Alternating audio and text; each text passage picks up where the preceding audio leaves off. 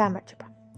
დღევანდელი თემა არის ერთგულება, ერთგულება ურთიერთობაში და რამდენად მნიშვნელოვანია ის, რომ ორი ადამიანი ერთმანეთის ერთგულია, ერთმანეთის იმედი აქვთ ყველგან და ყველაფერში.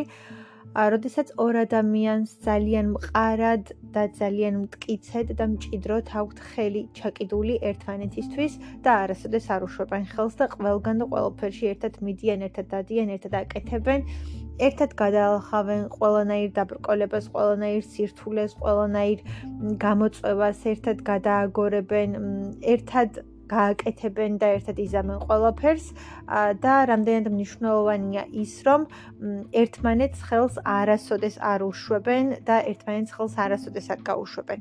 რამდენად მნიშვნელოვანია ნდობა როცა ორი ადამიანი ერთმანეთს ენდობა და როდესაც იცი რომ მისი იმედი შეიძლება ყველგან და ყველაფერში გქონდეს რომ ის ადამიანი არის შენი ერთგული და შენს გვერდით იქნება რაც არ უნდა იყოს რაც არ უნდა მოხდეს და ნებისმიერ შემთხვევაში ნებისმიერ ნებისმიერი გამოწვევის დროს იქნება შენთან იქნება შენ გვერდით და არ მიგატოვებს ხელს არ გაგიშვებს და როდესაც ზუსტად იცი რომ მისი იმედი შეიძლება გქონდეს ყველგან და ყველაფერში.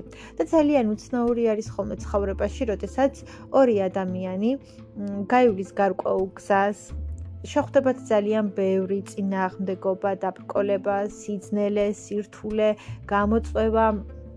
ყველა პრობლემას ერთად გადალახავენ, ყველა სირთულეს და სიცნელეს ერთად დაუპირისპირდებიან, დაძლევენ, გადალახავენ, გაივლიან.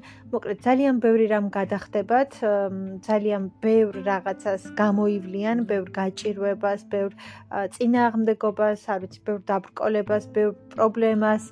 ბევრ უთანხმოებას და შემდეგ გადის, რა ვიცი, წლები, 10 ან 15 ან 20 წელი და შემდეგ ერთი ერთ-ერთი მათგანი, ან შეიძლება ხანდახან ორივე, არ ვიცი, ხალატობს ერთმანეთს და ეს ერთგულება ირღვევა და რომელიმე მათგანი სხვაგან მიდის და ტოვებს მეორეს.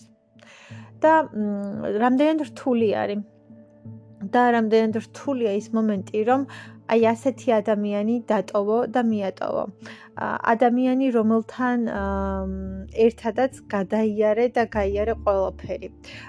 ადამიანი ვისთვისაც ხელი გქონდა ჩაკიდებული ყველგან და ყველაფერში და მართლა ერთად ხელჩაკიდებულები მოდიოდით არ ვიცი თქვენი ცხოვრების გარკვეული წლები, ანუ აი წლები თითქოს ხელი საერთოდ არ გაგიშვიათ და არ შეგიშვიათ ერთმანეთისთვის და მუდამ და ყოველთვის ერთად მოდიოდით. ერთად მოდიოდით და ერთად აკეთებდით ყველაფერს. ერთად გადალახავდით ყველაფერს, ერთად უპირისპირდებოდით ყველაფერს. ყველანაირი დაბრკოლება, ყველანაირი, არ ვიცი, პრობლემა, ყველანაირი უთანხმოება ყველაფერი ერთად გადალახეთ, გადააგორეთ, ერთად დაუპირისპირდით, ერთად დაძლიეთ და ერთობლივი ძალებით შეძალით ეს ყველაფერი და შემდეგ უკვე შემდეგ უკვე მიდიხარ და რა ვიცი, ღალატობ. შეიძლება ეს იმიტომაც ხდება, რომ ადამიანები იღლებიან, იღლებიან ზუსტად ამ ნეგატივით. ნეგატივში ვგულისხმობ აი ამ პრობლემებს, გამოწვევებს, დაბრკოლებებს, სირთულეებს, ამდენ სიძნელეს, ამდენ პრობლემას, რომლებიც რეალურად გღლის და ამ ყოველფრის გადალახვა შეიძლება მარტო არ გიწევს, მაგრამ მაინც მარტივი არ არის. მაგრამ გონია რომ ზუსტად ეს ყველაფერი უნდა ხდებოდეს იმის მიზეზი რომ ამ ადამიანს კიდევ უფრო მეტად ენდობოდე, კიდევ უფრო მეტად აფასებდე, კიდევ უფრო მეტად გიყვარდეს, კიდევ უფრო მეტად ძვირფასი ხდებოდეს შენთვის, იმიტომ რომ ზუსტად ეს ადამიანი არის და იყო ის, ვინც ყველანაირი პრობლემის, ყველანაირი დაბრკოლების და გამოწვევის დროს არ დაგტოვა, არ მიგატოვა, ხელი არ გაგიშვა და შენთან ერთად იყო ბოლომდე, შენთან ერთად იბრძოლა ბოლომდე, შენთან ერთად დაუპირისპირდა ყველანაირ დაბრკოლებას, ყველანაირ გამოწვევას და ყველანაირ სირთულეს და შენთან ერთად გადაალახა ეს ყველაფერი. და შენ შეგიძლია მისი იმედი გქონდეს და მისი ნდობა გქონდეს, იმიტომ რომ ზუსტად იცი რომ ეს ადამიანი არ მიგატოვებს, არ დაგტოვებს და ხელს არ გაგიშვებს და ეს არის ძალიან დიდი რამ. ეს არის ერთ-ერთი ყველაზე ძვირფასი და მნიშვნელოვანი რამ რაც შეიძლება რომ ცხოვრებაში გაგვაჩნდეს, გქონდეს და ვიცოდეთ, რომ ადამიანი, რომელიც ჩვენთან არის და ჩვენ გვერდით არის, არ მიგვატოვებს, ხელს არ გაგვიშვებს და არასოდეს არ დაგტოვებს მარტო. და ის ერთგულება და ის სიყვარული, რაც აქვს, არის მუდმივი, რაღაცნაირად ჩაუქრობელი და პირიქით ყოველთვის ძლიერდება და კიდევ და კიდევ უფრო მეტად რომ უყარვართ, კიდევ და კიდევ რომ უფრო ძლიერდება ეს სიყვარული ყოველი დაბრკოლების და ყოველი გადალახული სიძნელის და სირთულის შემდეგ.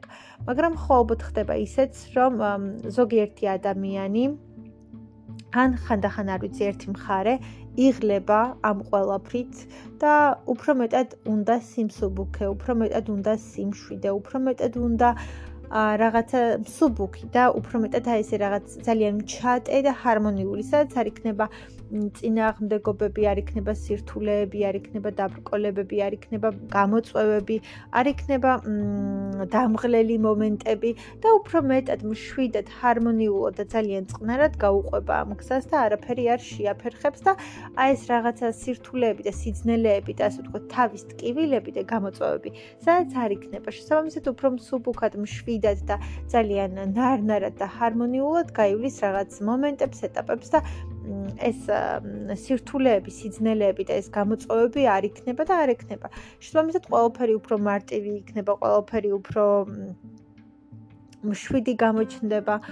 მაგრამ რეალურად მგონია რომ ძალიან უნდა აძლიერებდეს და უფრო მეტად მткиცეს მყარს და ჰარმონიულს ხდიდეს ურთიერთობა ზუსტად ის მომენტი, როდესაც შენ ამ ადამიანთან ერთად იყავი, იდექი, ყველაფერი მასთან ერთად გამოიარე, მთელი ცხოვრება და ყველაფერი მასთან არის დაკავშირებული და ყველაფერი საერთოდ მას უკავშირდება. უკან რომ გაიხედავ და როდესაც რაღაც მოვლენებს გადააფასებ და დაინახავ, ამ ადამიანს ხედავ მთელი წლების მანძილზე ხედავ მხოლოდ ერთ ადამიანს, რომელიც მუდამ ყოველთვის შენთან და შენ გვერდით იყო და იდგა. ადამიანი, რომელმაც ხელი არასოდეს გაგიშვა, ადამიანი, რომელმაც არასოდეს მიგატოვა, არასოდეს გიღალატა და ხედავ იმ ადამიანს მთელი შენი ცხოვრების მანძილზე და წლების მანძილზე. შენთან ერთად როგორ მოდიოდა, შენთან ერთად როგორ მიაპობდა ამ არ ვიცი, გზებს და ამ ყველაფერს და რამდენად ერთგული იყო და რამდენად ზურფასი იყავი შენ მისთვის და რამდენად უყვარდი და ამ სიყვარულითაც რამდენად ბოლომდე შენთან ერთად იყო და ბოლომდე შენთან ერთად ცდილობდა და აკეთებდა ყველაფერს. და ამ შემთხვევაში კიდევ უფრო მეტად რთული არის ის, რომ აი ესე უბრალოდ დადგე, წახვიდე და ვითომც არაფერი მიატოვო. და ზოგადად მგონია რომ ზუსტად ეს გამოვლილი ამბები და ეს გამოვლილი ისტორია და ყველაფერი უფრო მეტად ძვირფას ხდის ურთიერთობას. და ის ყველაფერი, როდესაც იხსენებ და გახსენდება რომ ყველაფერი შენ ცხოვრებაში ამ ადამიანს უკავშირდება, ამ ადამიანთან ერთად გამოიარე თითოეული მომენტი, თითოეული დეტალი, როდესაც გახსენდება, რომ ყველგან ყოველთვის და ყველაფერში მასთან ერთად იყავი, ყველაფერი საერთოდ მასთან ერთად გადალახე, გამოიარე, მასთან ერთად იგრძენი, მასთან ერთად იყავი, მასთან ერთად განიცადე, ის ადამიანი იყო შენთან და ის ადამიანი იყო შენ გვერდით და ის ადამიანი გეხმარებოდა ყველა მომენტში, რომ ეს ყველაფერი გადაგელახათ, რომ ყველაფერს დაპირისპირებოდით, რომ ეს ყველაფერი უფრო უფრო მეტად გადაგელახათ და უფრო მეტად არ ვიცი, უფრო მეტად მარტივი ყოფილიყო ძალიან ბევრი მომენტი და პროცესი. და აი ამ ყველაფრის შემდეგ, როდესაც შენ ამ ადამიანს უბრალოდ ესე ტოვებ, გამოდის რომ არაფასებ იმ ყველაფერს, რაც რეალურად იყო, რაც რეალურად გამოიერეთ, რაც გადაიტანეთ. არაფასებ იმ ყველაფერს, რაშიც ამდენად ერთგულად ერთად იყავით და ის ადამიანი შენ გვერდით გედგა და ძალიან ბევრ რაღაცას არაფასებ და რომ რეალურად რაღაცნაირად გამოდის რომ არ შეგიძლია არც არც დაფასება, არც სიყვარული. და არ ვიცი, აი ეს ძლიერი სიყვარული რაც არის და თან გამოდის რომ გიყვარს მხოლოდ მაშინ, როდესაც ყველაფერი კარგად არის. გიყვარს მაშინ, როდესაც ყველაფერი ჰარმონიულად არის. გიყვარს მაშინ, როდესაც პრობლემები არ არის, როდესაც გამოწვევები არ არის და როდესაც არ ვიცი, როდესაც ხო, გამოწვევები არ არის, სირთულეები არ არის და როდესაც ყველაფერი კარგად და მშვიდად არის. ანუ მხოლოდ კარგ მომენტებში შეგიძლია რომ შეგიძლია რომ გიყვარდეს და ენდობოდე და გვერდით გყავდეს. და რეალურად კიდევ ცხოვრება ამტკიცებს და გვეუბნება იმას, რომ ყოველთვის ყველაფერი ისე არ არის, რომ ჰარმონიულად იყოს ჩვენ რაც არ უნდა მოხდეს ცხოვრებაში, მაინც გვიწევს რომ შევხვდეთ სირთულეებს, სიძნელეებს და გამოწვევებს.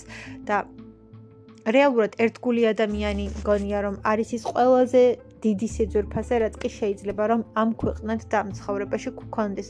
და რეალურად ამაზე მეტად ძურფასი და ამაზე მეტად მნიშვნელოვანი მართლა არაფერი არ არსებობს ჩვენს ცხოვრებაში. ეს არის ის ერთ-ერთი ყველაზე დიდი სიძლიერე და სიძურფასე, რაც გაგვაჩნია და რაც არის ყველაზე მეტად მნიშვნელოვანი ძურფასი და ტკბილი. და გისურვებთ, რომ ერთგული ადამიანები რაც შეიძლება ბევრი ყოლოდეთ და მათი იმედი ყოველთვის გქონდეთ და ყველაფერში.